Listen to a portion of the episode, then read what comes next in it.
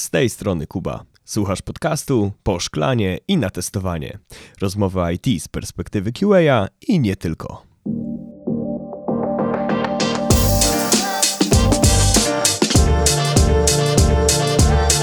Na rozgrzewkę zadam Wam takie pytanie: jak oceniacie dostępność narzędzi do testów automatycznych na rynku? E, I pierwszego poproszę o odpowiedź Karola.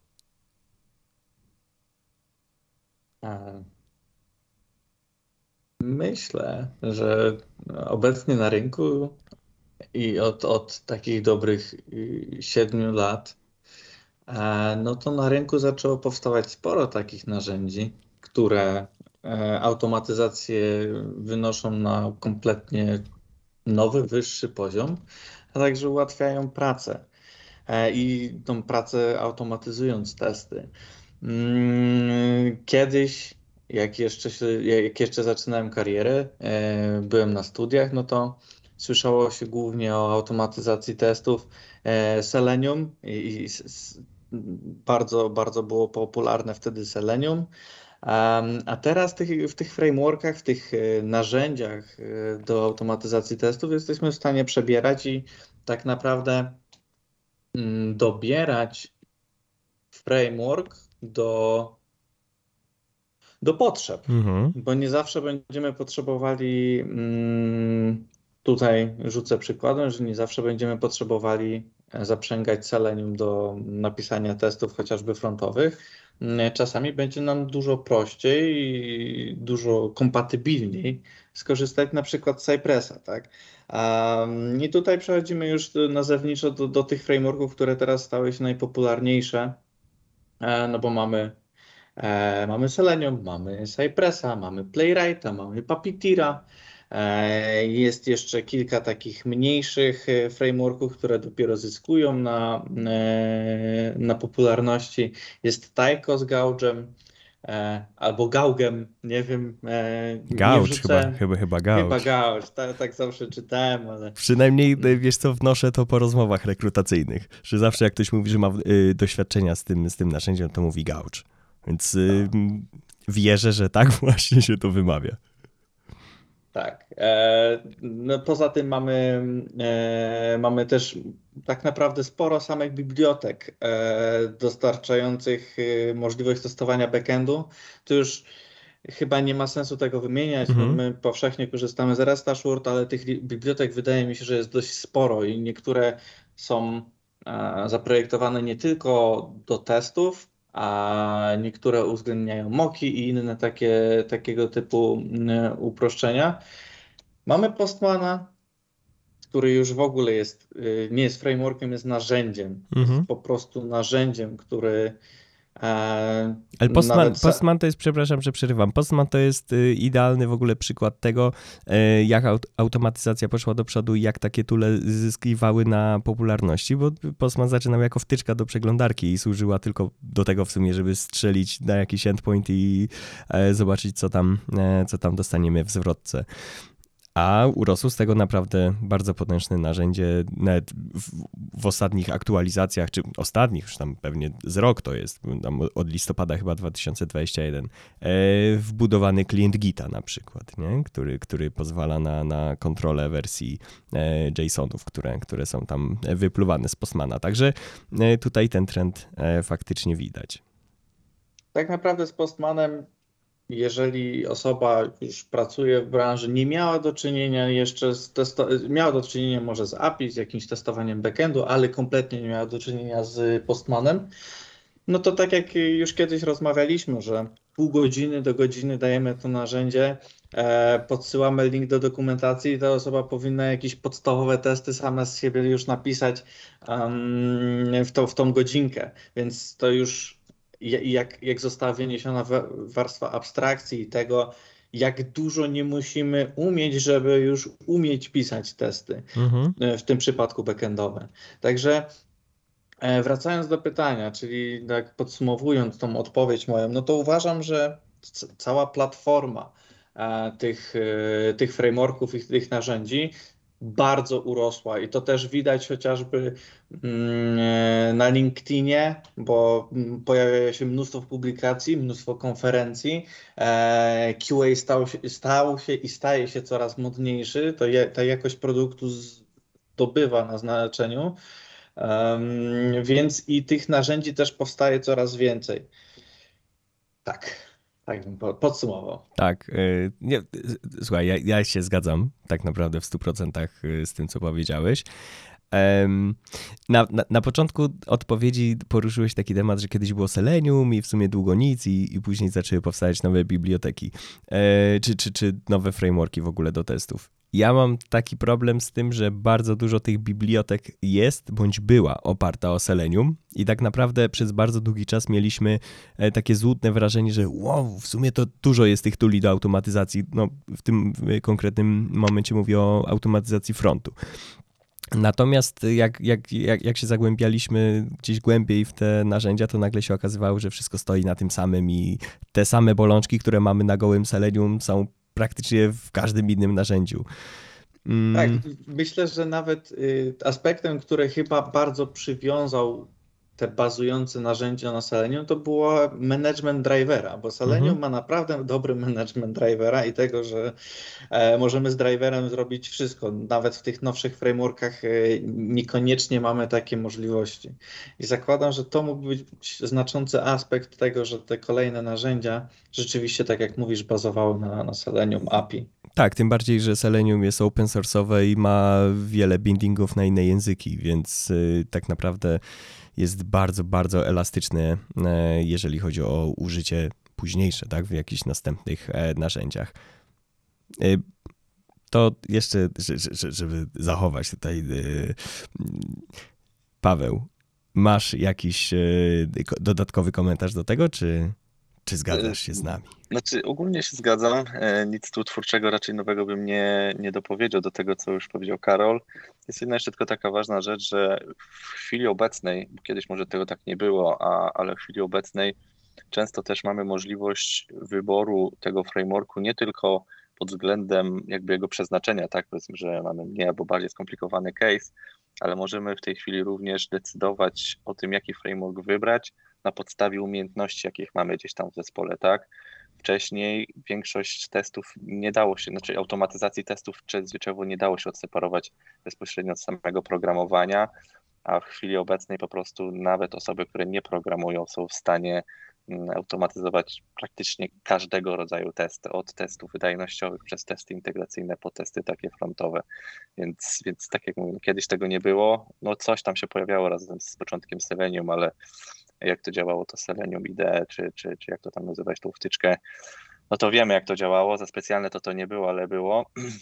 Natomiast z czasem e, doszło do tego, że, że to opakowanie tych, tych pod spodem, tych, tych wszystkich bibliotek e, urosło do tego stopnia, że, że możemy po prostu pobrać sobie tula, e, nagrać sobie po prostu, po prostu jakiś tam test, ewentualnie gdzieś tam jakoś dostosować, zmodyfikować, skonfigurować i, i te testy już są gotowe, tak, więc wtedy też jest, e, mamy już taki wybór po prostu, tak, nie musimy opierać tego na mocno technicznych osobach. Także no, to, to tyle, co mógłbym ewentualnie dołożyć do tego, co powiedział już Karol i ty. E, to jak to poruszyłeś, to od razu mi przychodzi na myśl e, takie jedno pytanie, które być może jest kijem w mrowisko trochę, ale ciekawi mnie wasza opinia. W sumie chyba nigdy was o to nie pytałem, a pracujemy ze sobą już kilka lat. Jeżeli mielibyście od zera wybierać yy, narzędzie, w którym będziemy automatyzować, zakładamy taką sytuację, startujemy w nowej firmie, albo w ogóle zakładamy swoją i mamy mnóstwo programistów frontowych, backendowych i musimy zacząć automatyzować. E, jeżeli chodzi o na przykład testy UI-owe, wybieramy narzędzie, które będzie typowo e, takie familiarne dla nas, czyli, czyli nawet jeżeli mamy front w JS-ie, w jakimś view czy w czymś, to my dalej będziemy sztywno trzymać się Java i jakiegoś Selenium i na, o, o, to opierać swój framework, czy raczej pójdziemy w technologię, która jest bliższa frontowi? I to, to panowie, który pierwszy? I cisza. To może ja zacznę. Um, um, Ciężko mi na to odpowiedzieć tak wprost. Tak, ja, ja oczywiście, jeżeli miałbym jakieś tam, nazwijmy to ciśnienie na szybką automatyzację, to bardziej bym się chyba nastawił przy tym, żeby robić w tych technologiach, które gdzieś tam znam i, i żeby jakoś ten proces u, u, przyspieszyć. Natomiast jeżeli tak jak front albo ta cała firma, w której gdzieś tam byśmy zaczynali pracę, rozkręcałaby się tak samo jak my, czyli gdzieś tam powiedzmy od zera, to nie widzę przeszkody, by, po prostu podejść bliżej, e, bliżej bezpośrednio developmentu i pisać czy to w JS-ie, czy w C-Sharpie, nawet jeżeli e, byłaby tam jakaś aplikacja dotnetowa, byłaby raczej taka możliwość i wydaje mi się, że wtedy bardziej bym szedł jakby w tym kierunku, tak? Do tej pory gdzieś tam przez te około 5 lat swojej pracy pracowałem głównie przy projektach pisanych na Javie i, i po prostu też bliżej mi było e, do pisania bezpośrednio samego kodu w Javie i trzymania się tego Selenium, ale zdarzało mi się też pisać jakieś tam frameworki nawet w JS-ie, tak, więc, więc to nie jest jakaś tam e, wielka przeszkoda. Więc jeżeli trzeba byłoby coś zrobić na szybko, to prawdopodobnie trzymałbym się Java, a jeżeli coś można by było na spokojnie rozkręcać równolegle z developmentem, to pewnie bym się bardziej przytulał do tego w czym ten development jest wykonywany. Karol? Ja się odwołam do wypowiedzi, do, do uzupełnienia właśnie Pawła z poprzedniego pytania, że e, jeżeli byśmy założyli taką sytuację, że startuję wszystko od nowa, mam wiedzę tą, którą mam i, i mam wytypować frameworki, w których będę pracował, to bardzo mocno uzależniłbym to od sytuacji właśnie jak cała architektura procesu dostarczania aplikacji, rozwiązania, serwisu będzie wyglądać. Bo jeżeli jesteśmy w stanie, budujemy to równocześnie z, ze stroną developmentu i, i, i stroną biznesową, ta, i jesteśmy w stanie na niektóre um, aspekty procesu wpływać tak czysto QA-owo i proponować rozwiązania, to wydaje mi się, że mm, chyba bym tu po, poeksperymentował właśnie ze, ze zmianami w, tych podejść doboru frameworków w stosunku do tego, co teraz e, powszechnie używamy. A to ze względu na przykład, tutaj już rzucę przykładem, e, jeżeli współpracowalibyśmy z frontendem i bylibyśmy w stanie E, nawiązać nić porozumienia jakąś głębszą, e, ustalić, e, ustalić proces dostarczania wymagań, rzetelność opierania się na tych wymaganiach, polegania na mokach i tak dalej, no to tutaj rewelacyjnymi rozwiązaniami, są, rozwiązaniami jest Cypress czy Playwright, które dostarczają bardzo fajne wsparcia dla, dla mokowania więc, e, więc pójście w Selenium od zera, mimo znajomości technologii, myślę, że to by było takim e, nie najbardziej lukratywnym wyborem. Poza tym, no, ja osobiście Jestem człowiekiem, który e, lubi poeksperymentować, lubi się pouczyć nowych rzeczy. Także jak tylko mam możliwość e, potestowania czegoś nowego. Żeby życie miało sobie... smaczek? Dokładnie. I tutaj rymu mi braknie, bo frameworku takiego nie mogę znaleźć z rymem, ale, ale tak. E, na pewno bym, bym sprawdził różne rozwiązania. Nie przywiązywałbym się konkretnie do, do na przykład Selenium, którego szerzej używamy. E, ale no, na pewno znaczącą rolą byłoby to, tak jak już rozpocząłem to, tą swoją odpowiedź, jak mój zespół czułby się z danym narzędziem. No nie wybrałbym narzędzia, w którym e, nie miałbym pewności, że osoby sobie poradzą, tak? E, że nie będziemy mieli jasnego progu wejścia, E, gdzie będziemy mogli dostarczać, albo przynajmniej będziemy mieli bufor, bufor szkoleniowy. Więc e, tak, podszedłbym bardziej elastycznie e, z, z, z inicjatywą do, do, do, do przejrzenia jednak alternatyw, no ale znaczenie tutaj ma duże to, ta wiedza, którą już posiadamy, i tyle. E, bardzo się cieszę, że powiedziałeś słowo elastyczni. E, z tego względu, że właśnie moje pytanie miało na celu wywołać taką dyskusję, którą zwieńczymy właśnie tym, że e, tak naprawdę musimy być elastyczni. E, promujemy w, ogóle, no, Agile nie jest jakby nową metodyką, ale e, promujemy na każdym kroku. Bądźmy agile'owi, bądźmy elastyczni, nie trzymajmy się sztywno książkowych procedur i przykładów i tak dalej. E, wybór narzędzia do automatyzacji wydaje mi się właśnie dokładnie e, odzwierciedla jakby dokładnie tą elastyczność, bo jeżeli mamy na przykład frontowców, którzy piszą w JS-ie i my możemy stworzyć czy użyć frameworka do testów, czy biblioteki do testów automatycznych y, frontendu właśnie też y, obsługującym JS-a, to tak naprawdę otwieramy sobie drogę ku dużo większej i głębszej współpracy z takim frontendem. Eee, bo załóżmy taką sytuację, właśnie jest sprint w wakacje, jest nie wiem, sierpień. Połowa QA jest na urlopach, na wakacjach, mamy pootwierane jakieś storiesy, mamy w definition of done e, wymaganie, że muszą być napisane testy automatyczne. No to stoimy na rozdrożu. Czy nie pisać testów automatycznych, bo nie mamy zasobów?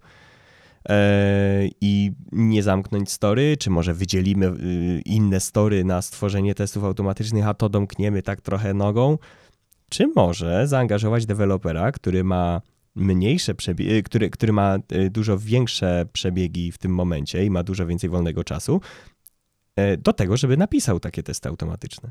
I to sprawia, że będziemy dużo bardziej elastyczni. Pracując w tej samej technologii, w, czy, czy, czy w tym samym języku, otwieramy sobie też drogę do e, wspólnych pull requestów, na przykład, gdzie możemy się wspólnie z deweloperami uczyć.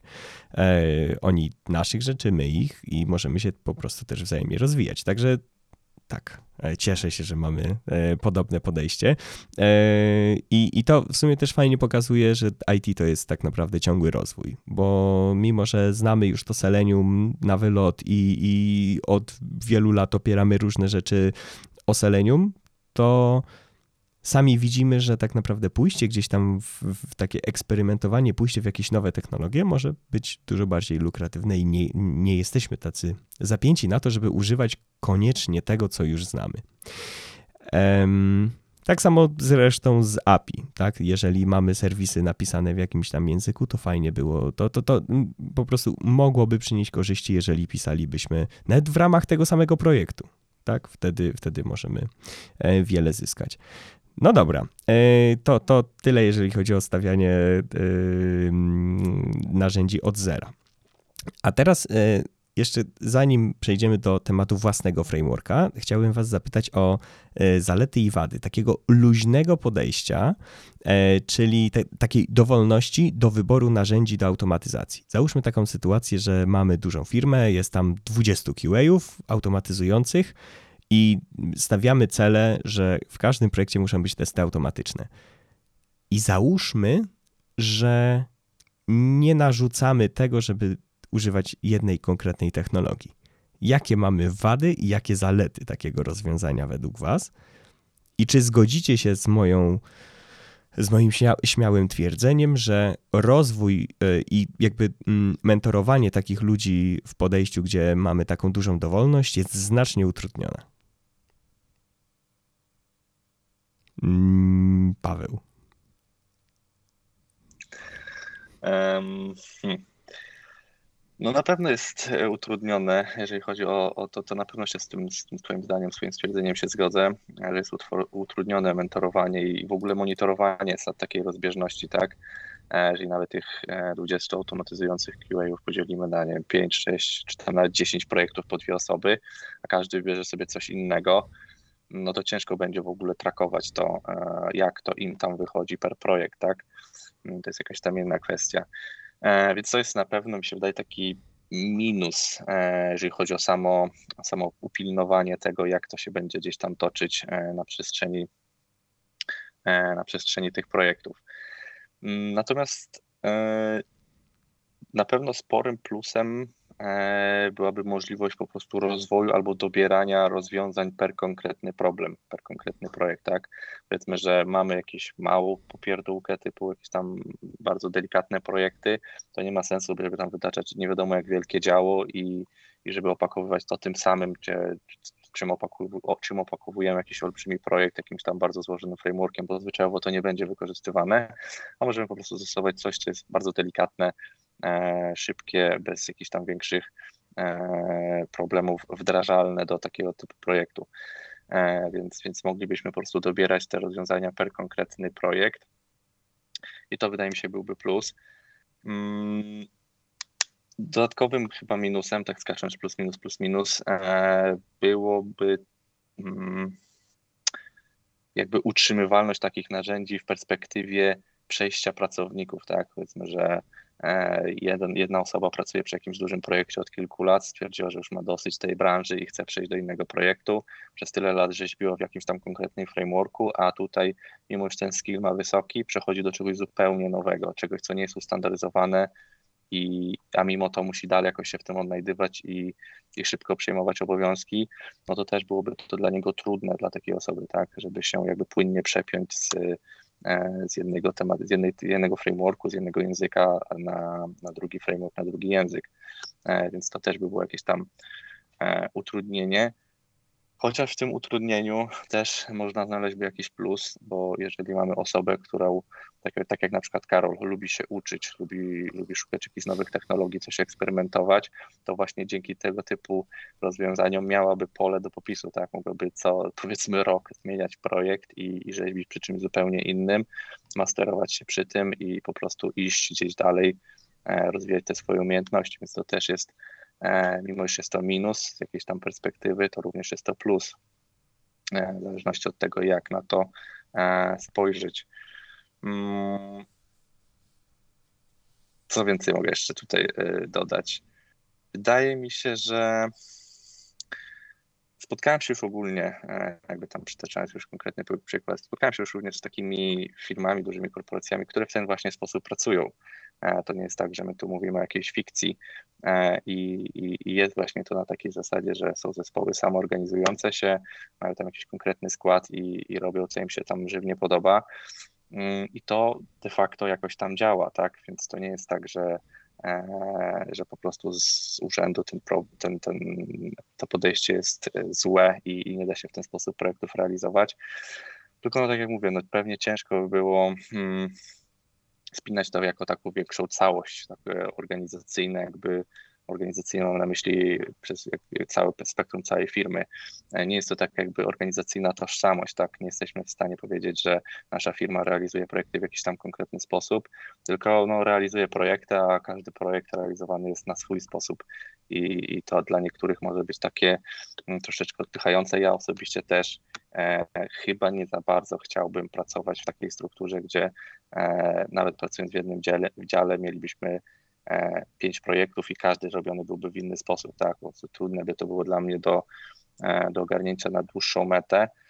E, z czasem możliwe, że bym się przyzwyczaił, E, że, że tu robimy to tak, tam robimy to, to w inny sposób, ale wydaje mi się, że ten czas, który bym musiał poświęcić na przyswojenie tego, na przystosowanie się, byłby delikatnie czasem zmarnowanym. Można by było to jednak chociaż w jakichś tam, powiedzmy, wysokopoziomowych e, warstwach ustandaryzować, ustrukturyzować, żeby to jakoś w jednym, w ramach jednego flow E, realizować. Oczywiście można tam powiedzmy, że jakoś dobierać konkretne narzędzia, ale żeby chociaż jakiś zarys tego, jak będziemy to realizować, e, się utrzymywał, nazwijmy to globalnie.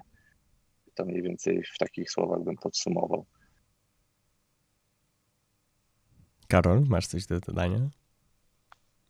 No, no coś, coś, tam, coś tam dorzucę od siebie, ale tak. Yy, Paweł bardzo tutaj szeroko opowiedział i, i zgadzam się w 100%. A już tak sobie tutaj w notateczce troszkę przygotowałem, żeby, żebyśmy nie, nie, nie, nie czekali na mnie zbyt długo. To tak, jak najbardziej zgadzam się z tym, że w minusach będzie trudny management tego wszystkiego i jeżeli bierzemy różne frameworki, to są różne paterny programistyczne, nawet per język. E, Java będzie miała trochę bardziej faktoriowe, no jest troszkę mniej, tak, więc to będą różne projekty, bardzo ciężko będzie je reviewować, a co dopiero jeszcze potem migrować pracownikom, e, którzy właśnie chcieliby zmienić biznes, zmienić obszar, e, czy nawet zmienić technologię, to troszkę będzie ciężej, ciężej to wszystko przenieść. Natomiast z plusów, no to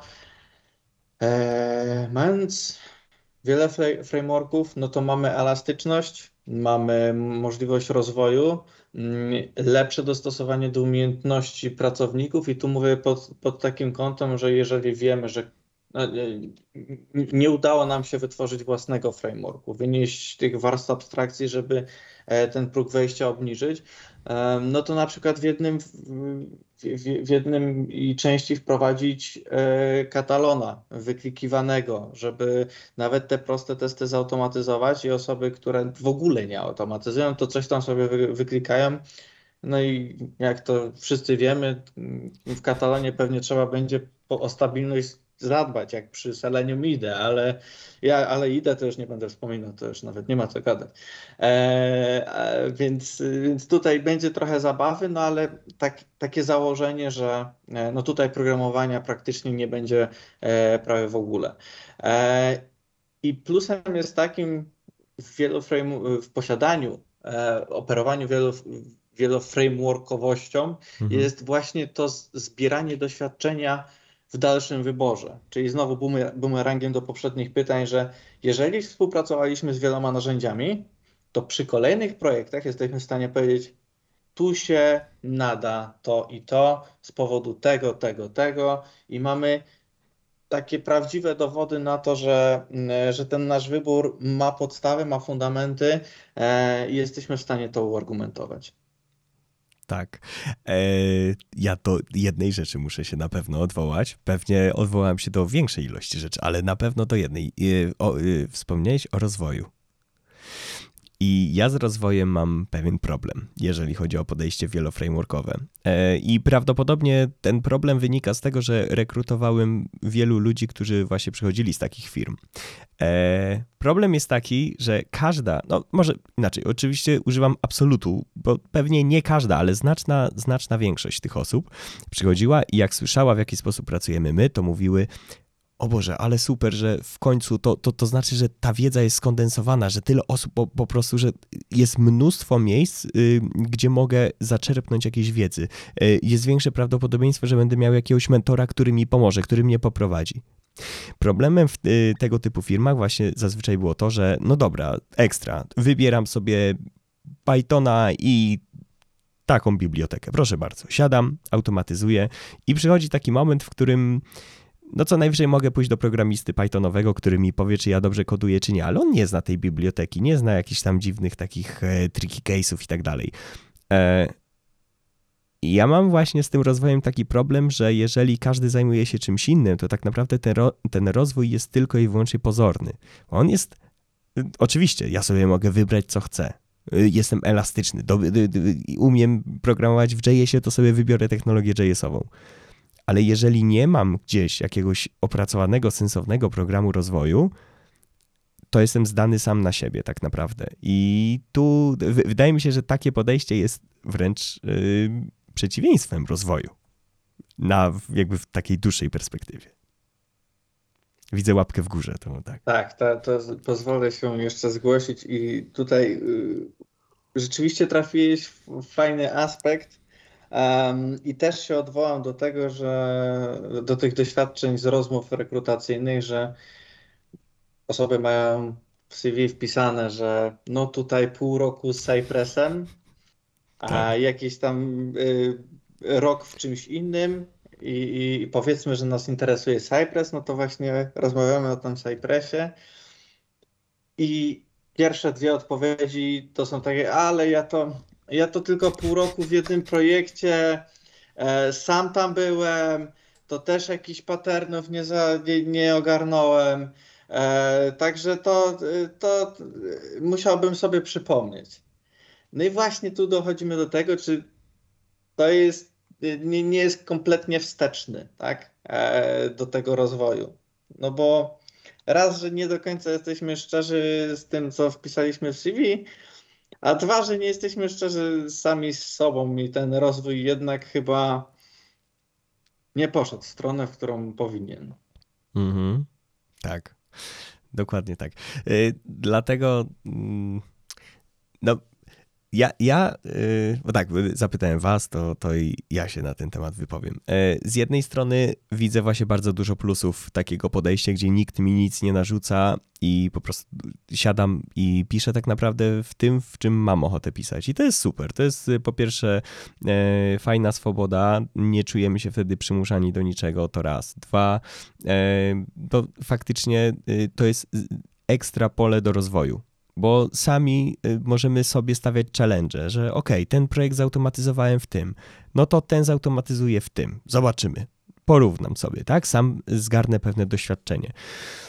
Eee, dodatkowo yy, faktycznie możemy yy, wtedy zrobić to, o czym powiedziałem trochę wcześniej, czyli nawet samemu sobie dostosowywać ten nasz framework, yy, bazując na tym, jakie mamy skille w zespole. Nie tylko u siebie, ale też w zespole no nie? Że, że, że tak naprawdę, jeżeli przeanalizuję, że no dobra, y, w, ty, w tym projekcie to .NET jest, y, czy, czy C Sharp ogólnie jest y, rozwinięty ekstra, jest bardzo duża mm, kopalnia wiedzy wręcz w, w, w kolegach z zespołu, no to będę szukał frameworków, które pozwolą, czy, czy, czy bibliotek, które pozwolą mi automatyzować właśnie na przykład w tym języku, żeby, żeby się rozwijać. No minusami oczywiście jest to, co, mm, do czego się odwołałem, tak? Czyli tak naprawdę ten rozwój mamy w pewnym momencie ograniczony. E, I jeżeli pracujemy w firmie, gdzie mamy kilka projektów i nie pracujemy jakby w jednym projekcie przez 10 lat, tylko załóżmy, że co 2-3 lata chcę sobie coś zmieniać, to może być problem taki, że właśnie trafimy, na przykład yy, automatyzowałem testy w C-Sharpie i nagle przerzucają mnie do projektu, który ma od trzech lat, czterech lat e, jakiś framework w Pythonie. I ja muszę bardzo szybko się do tego frameworku dostosować. Ale załóżmy osoba, która pisała ten framework, była kiepska z Pythona, ale nie miała mentora, nie miała kogoś, kto wyznaczy jakieś e, kierunki, nie, nie, nie będzie kontrolowała jakości tego frameworka. I musisz wejść do innego jakby języka. Oczywiście przedstawić się w językach, to jak już umiesz programować, to to też nie jest nie wiadomo jaki, jaki, jaki challenge, ale no jednak są pewne rzeczy, które, które, e, do których musimy się przyzwyczaić, których się musimy nauczyć. Niechlujnie napisany framework skutecznie nam utrudni to zadanie. E, więc tutaj widzę e, no, dużo minusów. No i jakby w, jeszcze w kontekście rozwoju, no nie będziemy mieć kogoś, kto tak naprawdę może nam wskazać w ogóle kierunek rozwoju tak naprawdę. Czy, czy, czy to, co my piszemy, to czy ma sens, czy nie. Czy tak się pisze frameworki, czy nie.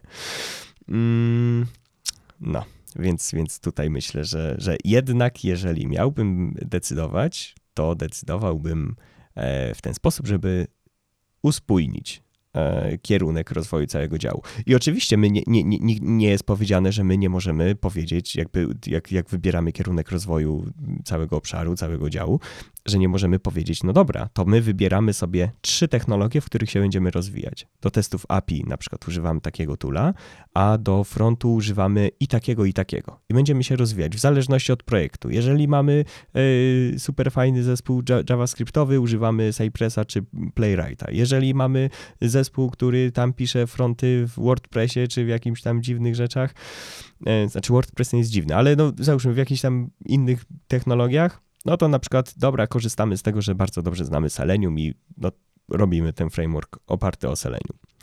E, no i to nam zapewnia dużo fajnych korzyści. I teraz kilka z nich wymienię i rozpoczniemy dyskusję.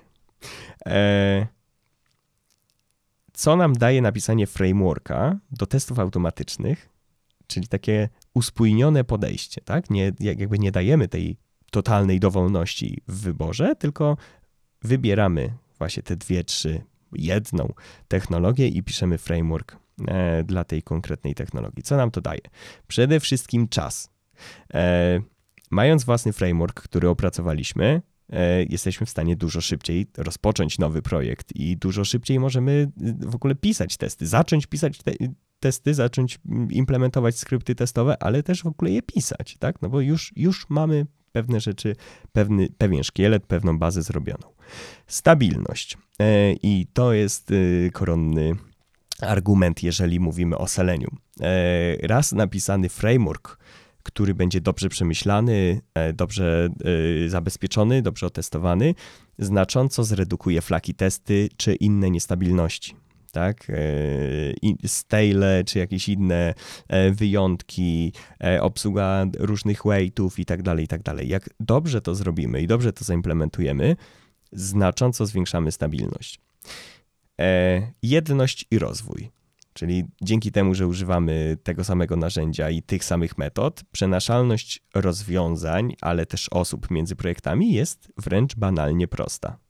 No bo piszemy, yy, jakby mo można powiedzieć, ten sam kod w kilku projektach e, i przeniesienie z jednego projektu do drugiego to jest tak naprawdę użycie tego samego narzędzia, którego używaliśmy wcześniej, ale w kontekście innego projektu. Więc wyzwaniem przede wszystkim jest poznanie projektu, poznanie jakichś specyficznych e, założeń, case'ów, wymagań e, tego projektu. Natomiast samo pisanie testów nie będzie wymagało od nas tak naprawdę jakiego, jak, jakiegoś większego wysiłku, jeżeli chodzi o y, wejście. Tak? Ten próg wejścia będzie bardzo, bardzo niski.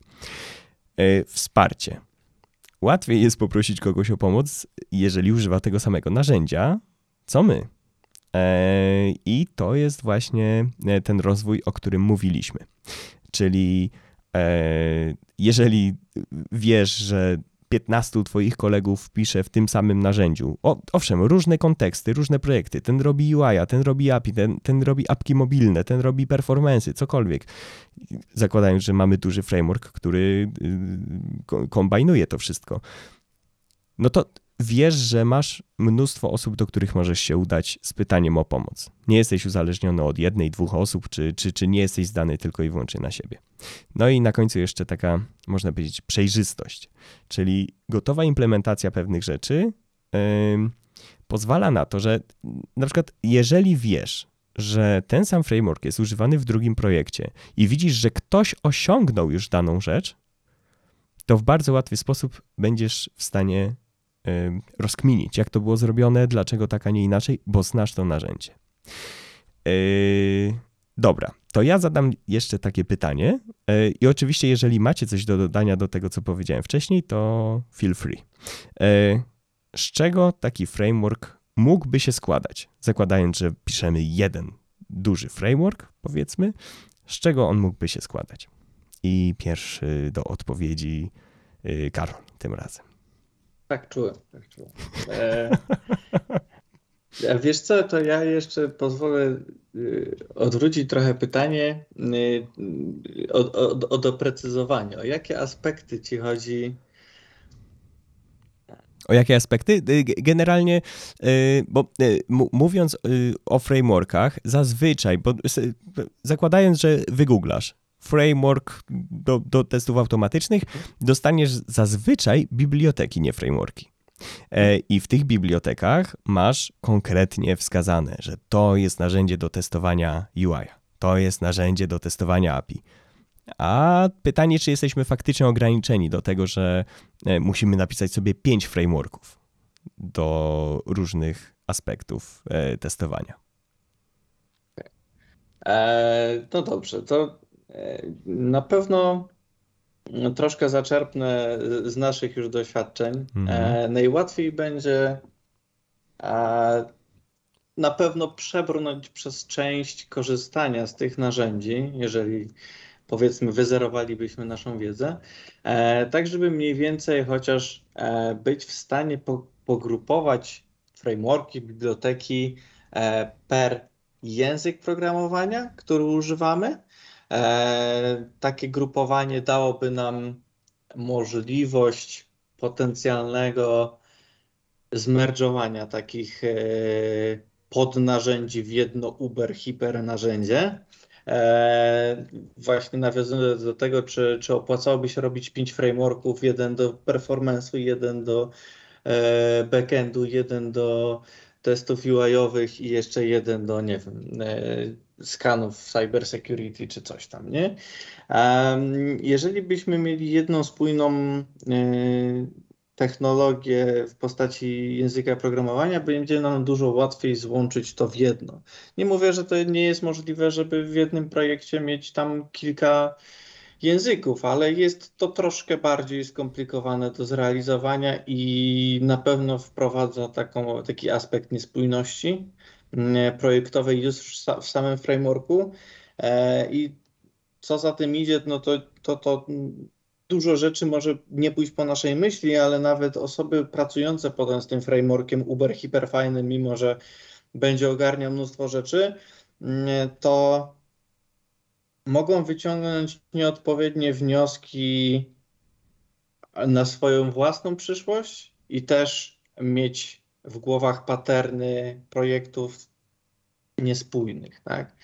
E, ale no mm, zdecydowanie jeżeli idziemy w usystematyzowanie, uspójnienie tych, e, tych podejść, to jeżeli byłaby taka możliwość, powinniśmy uspójnić to w pełni, e, wynieść progi wejścia, obniżyć progi wejścia, nie, nie, nie wywyższyć, byłoby słabo, obniżyć te progi wejścia, tak żeby Mm, no bo do QA, jak, jak już y, wspomnieliśmy, niekoniecznie trzeba umieć dobrze programować, e, a przy dobrze zarządzanym frameworku, e, narzędziu do automatyzacji jesteśmy w stanie w ogóle ten próg zminimalizować przy, dobrym, do, przy dobrze założonej architekturze.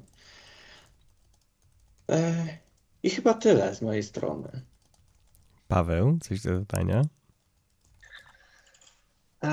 Odnosząc się troszeczkę do Twojego pytania, tu wydaje mi się, że to byłby temat do głębszego zastanowienia się, bo tak jak Karol wspomniał, możemy de facto w ramach jednego frameworku, w ramach budowy jednego frameworku spiąć wiele różnych, nazwijmy to, dziedzin naszych testowania, naszych poziomów, tak? E, możemy mieć i w tym testy integracyjne, i testy UI-owe, i testy wydajnościowe, i to wszystko możemy mieć w jednym frameworku. Mm, nawet jeżeli to gdzieś tam zepniemy w ramach jednego języka, to wydaje mi się, że nie zawsze mm, tak kompleksowe rozwiązanie będzie miało zastosowanie w każdym projekcie, tak? E, część projektów, typowo jakichś tam mniejszych, nie będzie potrzebowała całej tej naleciałości, wszystkich innych dobudowanych elementów do, do tego frameworku, tak? powiedzmy mamy jakiś prosty projekt miesięczny, dwumiesięczny, trzymiesięczny, w którym budujemy tylko fragment frontu, no to żadne jakieś tam testy wydajnościowe, testy bezpieczeństwa powiedzmy, czy, czy jakaś tam bardziej rozbudowana integracja, jeżeli to są jakieś statyczne e, strony, też nie byłaby nam potrzebna. E, co oczywiście no, przy dzisiejszych zasobach, e, gdzieś tam pojemności dysków i tak dalej, E, raczej nie stanowiłoby też takiego wprost problemu, że po prostu to zainkludować, tak, na podstawie tego frameworku zbudować sobie te testy i gdzie się tam uruchamiać, no tylko, że będzie to takie trochę e, takie użycie armaty e, zamiast tam jakiegoś po prostu zwykłego pistolecika do... Bazuki, to, to, to, to jest z, chyba z 18 razy już wam to mówiłem, e, wyciąganie bazuki na muchę. To jest tak, stwierdzenie chyba, które siedzi ze mną od nie, 5 lat. Nie widzę problemu. Pan zniszczenia. Chyba, że to jest e, mucha z Czarnobyla. Nie wiem, ja, jak, jak grałem w Fallouta, to tam było mnóstwo takich zwierzątek, które raczej e, małym pistolecikiem e, to co, co najwyżej bym tylko wkurwił takie zwierzątko. Od razu mi się przypomina The Forest i kanibale z siedmioma rękami. No, tak. Pięknie. No, więc, więc mniej więcej tak bym tego podszedł. To oczywiście tak jak mówię, no nie, nie wydaje mi się, żeby to był jakiś większy problem, żeby to jednak pospinać. Mm, no i w takiej perspektywie, nazwijmy to, gdy mamy już tą firmę dość dużą, tą organizację, tych projektów dzieje się naprawdę dużo i chcemy gdzieś tam sobie ustandaryzować to, to całe podejście, to ewentualnie ten, ten framework też możemy sobie podzielić na jakieś tam części, tak? Możemy mieć prostą część, która jest gdzieś też składową tego bardziej rozbudowanego E, frameworku i tylko tą prostą część, na podstawie tej prostej części e, nierozbudowanej, na jej podstawie budować jakieś tam e, testy do, do takich delikatniejszych projektów. Natomiast jak jest kilka tam wiodących projektów w firmie, takich naprawdę dużych, długoletnich, to nic nie stoi na przeszkodzie, żeby one używały tej, tej armaty, tej bazuki do, do rozbudowy tej infrastruktury testowej, którą gdzieś tam byśmy tworzyli na potrzeby zapewniania jakości jakby z tej naszej perspektywy. Więc ewentualnie tyle bym dodał do, do, do wypowiedzi mm, Karola. E, dlatego też wspomniałem, że, że, że, że fajnie jest na przykład obrać sobie kierunek rozwoju na dwie, trzy technologie e, i zrobić, można powiedzieć, taką kategoryzację projektów, w której decydujemy, że takie malutkie projekciki robimy w takiej technologii, troszkę większe w takiej, a te w ogóle największe robimy w tym narzędziu, które jest w ogóle już, już właśnie tą bazuką. E, dzięki temu, no, myślę, właśnie zaoszczędzilibyśmy e, to, o czym wspomnieliście, tak, poza, poza e, zasobami, które byłyby zżarte, to jeszcze na przykład, jak mielibyśmy jakąś nową osobę, którą chcielibyśmy wdrożyć w firmę, i od razu wymagalibyśmy od niej wdrożenia się w ten największy framework, który napisaliśmy, to mogłoby, mimo że mm, napisalibyśmy go user-friendly, to mm, mogłoby to ją przytłoczyć. A mając do dyspozycji właśnie tak, taki, jakieś mniejsze narzędzie, które mogłaby użyć w takim malutkim projekcie, to zapoznałaby się w tym czasie z e, w ogóle podejściem do automatyzacji, w jaki sposób y, oceniać, które testy są warte automatyzacji właśnie e, i tak dalej, i tak dalej. Jakby cały ten flow pracy z Gitem i tak dalej e, mogłaby dużo szybciej opanować. Także ja, ja się z wami zgadzam jak najbardziej i, e, i myślę, że takie dwie, trzy technologie, w której e, prowadzimy testy, to, e, to jest bardzo fajny, fajny wybór. No dobrze, to tutaj myślę, że jest miejsce na taką autoreklamę, jak to wygląda u nas w firmie to jakbyś, Karol. E, albo dobra, ja tylko powiem parę, parę zdań i, i, i, i Karol mógłbyś to e, skomentować jeszcze swoimi słowami. Mm, w Macolabie, e, czyli w firmie, w której cała nasza trójka pracuje, opracowaliśmy właśnie taki własny framework, który nazwaliśmy Macolab Automation Framework, czyli w skrócie MAF i chyba tym skrótem posługujemy się codziennie. Nie pamiętam, kiedy wypowiedziałem ostatni raz całą tą nazwę. Chyba tylko żonie, jak się pytała, no Kuba, co to jest ten MAF? To chyba, to chyba wtedy ostatni raz to powiedziałem. W każdym razie yy, faktycznie jest to narzędzie, które e, zawiera w sobie e, biblioteki zarówno do testowania UI-a, do testów API, e, do testów performance'u, e, do web scrappingu nawet. E, w planach mamy też obsługę testów aplikacji mobilnych i wiele, wiele innych. I właśnie te, te korzyści, o których mówimy, one nie są wyssane z palca. Bo faktycznie widzimy to na co dzień w pracy, że, że odkąd wprowadziliśmy ten framework, rozwój ludzi, ta współpraca, przenaszalność rozwiązań i tak dalej. To wszystko widzimy i, i tak naprawdę bardzo dużo czasu na tym zyskujemy. O, prosty przykład, Karol potrzebuje e, dodać coś do drivera, dodaje go w swoim projekcie, wrzucamy to do tego naszego MAFA i w każdym projekcie, który wykorzystuje MAFA, możemy już użyć tą metodę, którą dodał Karol. Także mm, bardzo często, jak w którymś z projektów dochodzimy do jakiejś ściany i mamy problem, który trzeba jakoś rozwiązać i trzeba zrobić jakąś customową implementację, to okazuje się, że dwa projekty w prawo ktoś już miał trzy miesiące temu ten problem i a, podbij sobie wersję w dependencji, to będziesz miał już to rozwiązanie gotowe. Także to jest, to jest super. To tak z takiej szybkiej e, autoreklamy. E, to jakbyś Karol chciał coś dodać do tego. E, ja tylko dopowiem, że pytam tak Karola, bo e, w sumie to można powiedzieć, że je, je, jesteśmy rodzicami tego narzędzia.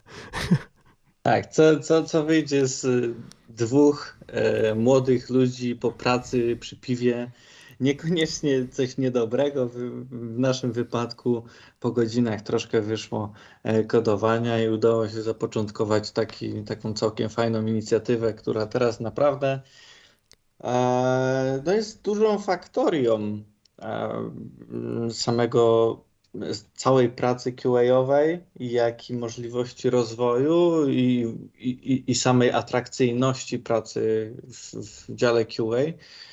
U nas w Macolabie, tak? Mm, no cóż mogę dodać?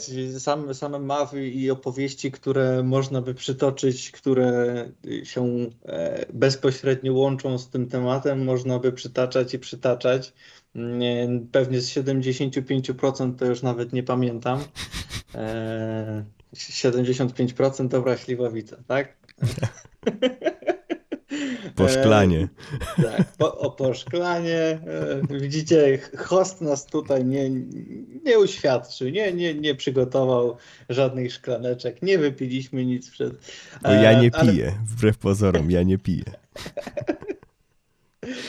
E, wracając do, do tematu, no to yy, bardzo się cieszę, że, że w, w tamtym etapie narodziła się w naszych rozmowach taka iskra pomysłu, a ujednolicenia tego wszystkiego, bo właśnie e, to było tak, że bardzo dużo projektów startowało u nas w firmie i mm, wiele podejść się powtarzało. No to nie jest tak, to, automatyzacja testów to nie jest rocket science. To nie jest, że każde API, które testujecie jest w zupełności inne. No, jeżeli mamy do czynienia z RESTem, no to prawdopodobnie większość rzeczy da się przenieść jeszcze do kolejnego projektu. Jeżeli automatyzujemy front, czy to jest W, czy to jest Angular, czy to jest React, będą miały wspólne części, będą różniły się między sobą jakimiś aspektami typowo frameworkowymi. Natomiast wspólne części do testowania na pewno będą e, i taką naszą inicjatywą było uspójnienie tego wszystkiego, ale w przypadku kiedy mieliśmy możliwość uspójnienia całości rozwiązania e, tych frameworków do testów automatycznych, to nasze możliwości zaczęły się poszerzać. Bo jeżeli wszyscy korzystali z tego samego źródła, to my to źródło mogliśmy rozkopać jeszcze bardziej, dać dużo więcej pozytywów płynących z tego, z, z tego jednego frameworku. I teraz tak naprawdę troszkę trochę cieszy, trochę smuci powiedzenie, że jest już dużo QA, którzy by SMAFA by sobie nie poradziło z automatyzacją, tak, u nas w firmie. E, no ale to, to nie jest tak, że kompletnie zamykamy się e, tutaj na możliwości. My niemal cyklicznie powtarzamy i zachęcamy ludzi, żeby przyczynili się do, do rozwijania MAFA, żeby nie, repozytorium jest wystawione, że każdy może zrobić pull requesta, dodać nas, nas ojców jako reviewerów i, um, i dodać coś od siebie. Niestety to, to nie cieszy się jakąś dużą popularnością, no bo wygoda. Już wszystko, co potrzebują osoby, zostało dostarczone i te, mm, te potrzeby już, co, już są coraz rzadsze. Co tak jak mówię, cieszy, bo znaczy, że ma spełnia swoją funkcję, no ale z drugiej strony rozleniwia pewnie część osób y, pracujących już bezpośrednio w projektach. No ale nie da się mieć wszystkiego. E, nadal uważam, że to jest, to, to było jedno z takich przełomowych jedna z przełomowych zmian w naszym dziale, e, która umożliwiła bardziej dynamiczny rozwój działu i nawet zmianę percepcji warstwy biznesowej tego, jak QA pracuje. Mhm. Bo mając MAFA, byliśmy w stanie dużo rzeczy zargumentować i zobrazować e, w jaśniejszy sposób, E, sprezentować to, bo mieliśmy przecież kilka już prezentacji, nie tylko w naszym dziale. Także rozumienie samego QA e, i, i, w naszym przypadku dynamicznie rozwijającego się QA mm, było bardziej zrozumiałe. Właśnie to, co powiedziałeś, e, bardzo mi się podobało i to też chciałem dodać, czyli MAF nie jest zamkniętym narzędziem, i tak naprawdę każdy, kto przychodzi do firmy, może sobie podejrzeć, jak to narzędzie jest zbudowane, w jaki sposób mamy mm, pozabezpieczane pewne rzeczy, jak obeszliśmy e, niektóre triki. E, czy inaczej, jakie użyliśmy triki na przypadki triki. Takie, a, widzicie, widzicie? Gra słowna, to się nazywa gra słowna. E, I tak naprawdę każdy, kto przychodzi, może e, może, może kontrybuować do tego frameworku i do tego za, zachęcamy.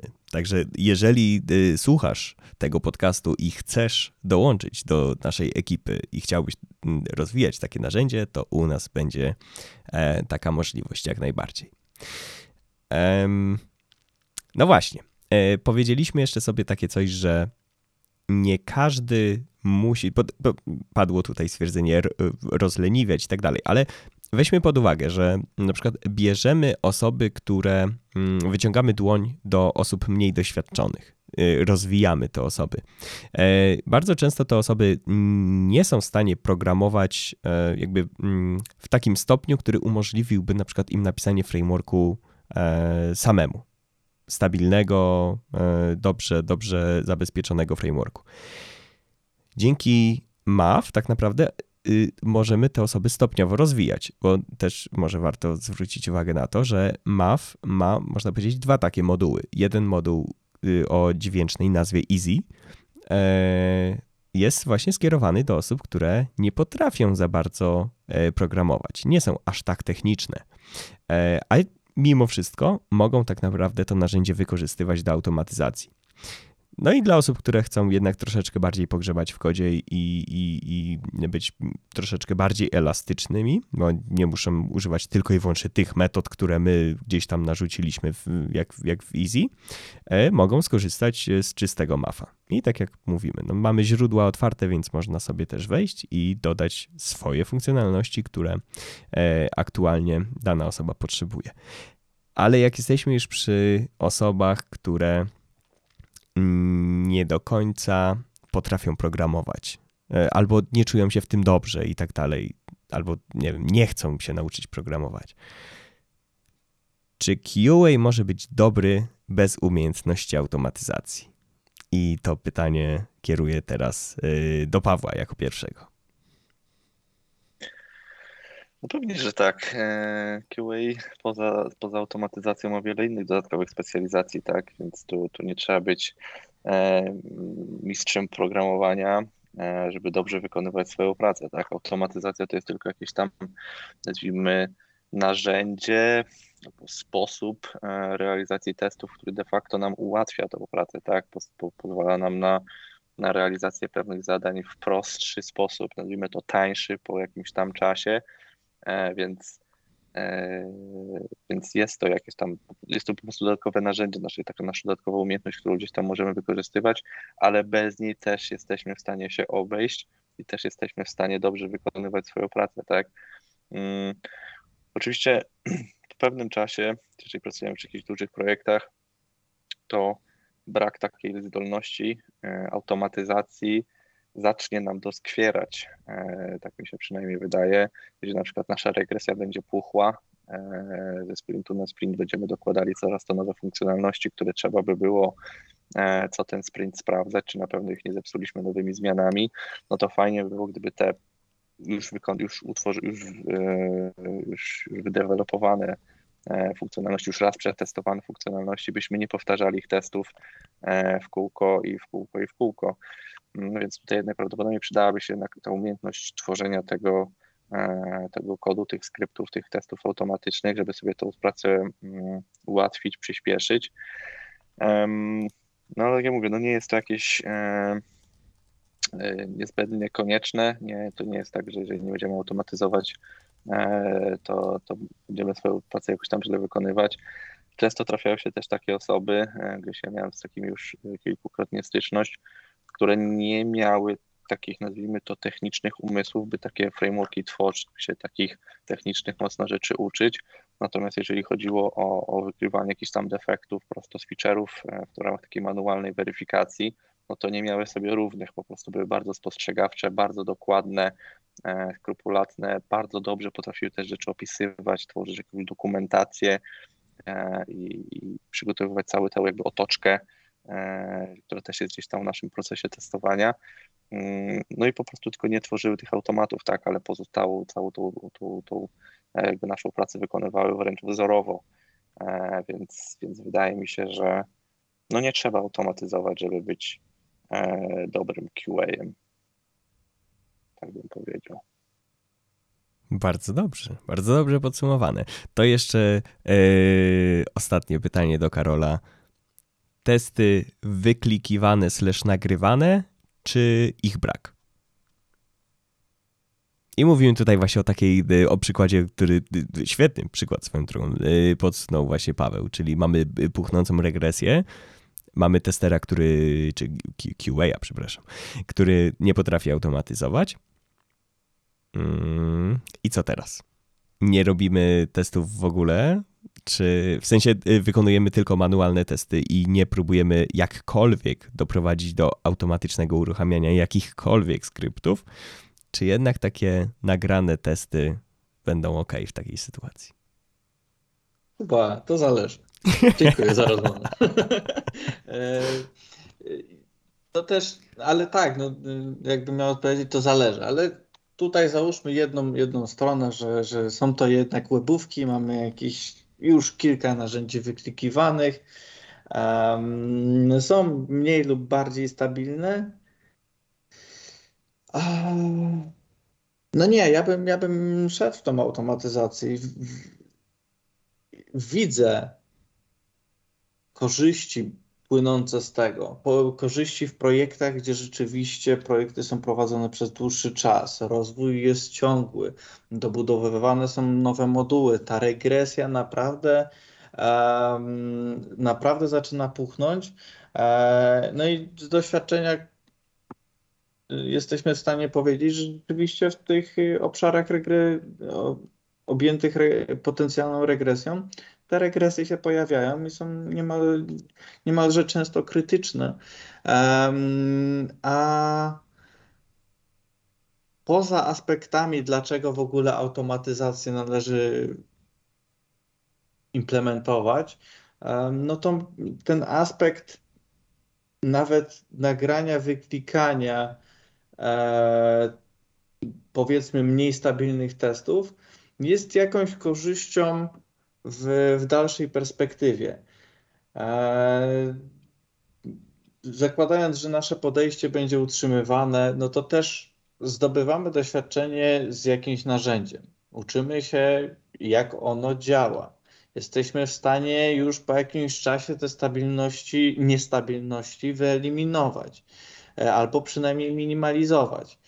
Mm, poza tym są Teraz już są, tak, jeżeli mówimy o takim typowym wyklikanym, e, najprostszym narzędziu, które chyba obecnie jest dostępne w przeglądarce, bo rozmawialiśmy pod koniec zeszłego roku, e, no to Google wypuścił Recorder, który mamy już bezpośrednio w DevToolsach. I, I nawet taka forma automatyzacji wyklikania, nagrania tego i uruchomienia ponownie w przeglądarce w przeglądarce, nie w żadnym innym toolu, to, to już jest w stanie ograniczać nam testy, bo i tak klikasz to w przeglądarce i tak zrobisz te same czynności. No może trochę więcej pomyślisz przy, przy ich nagrywaniu, żeby mm, nie zrobić jakiegoś e, dodatkowego zbędnego ruchu. Mhm. Dokładnie. E, ale no będziesz miał już je permanentnie one chyba są w, w storage'u utrzymywane, albo, albo jesteś w stanie nawet do e, swojego konta Google'owego przypisać, żeby, żeby to zapamiętać. I masz je niemalże permanentnie, jakieś backupy, oczywiście też eksportować można. E, I to już powiedziałbym, że nawet przy drugiej, trzeciej iteracji e, regresyjnej jest w stanie nam ograniczyć czas. Nie mówimy też tu o stuprocentowym pokryciu, to nawet w momencie, kiedy w, wdrażamy pełną automatyzację, to nie można mówić o stuprocentowym pokryciu testami. E, ale tak jak, e, tak jak mamy możliwość wyklikać najbardziej krytyczne elementy, najbardziej znaczące, główne flow aplikacyjne, to jak najbardziej powinniśmy to robić, nawet jeżeli będzie to wyklikiwane. Tak. Zgadzam się. Myślę podobnie. Paweł, zgadzasz się? Jak najbardziej tak. Nic dodać, nic ująć. Tak. E... Udało mi się. U, udało się. No. Pierwszy, pierwszy raz e, w tym gronie. Nie, no żartuję oczywiście. E... Patrzę na zegarek i wybiła godzina kącika poetyckiego. E, czyli zwieńczamy ten odcinek czterema wersami. E, I myślę, że jeszcze zanim mm, przeczytam swój wiersz, e, to, to, to spróbuję to jeszcze jednym zdaniem podsumować. Mm, zdecydowanie polecamy użycie przynajmniej w, w, miejscach, gdzie mamy dużo testerów automatyzujących, użycie jakiegoś spójnego narzędzia i e, wyznaczenie jakiejś ścieżki rozwoju, e, ścieżki mentoringu, dzięki której będziemy mogli wszyscy być coraz lepszymi testerami automatyzującymi. Nasze narzędzie będzie coraz bardziej stabilne.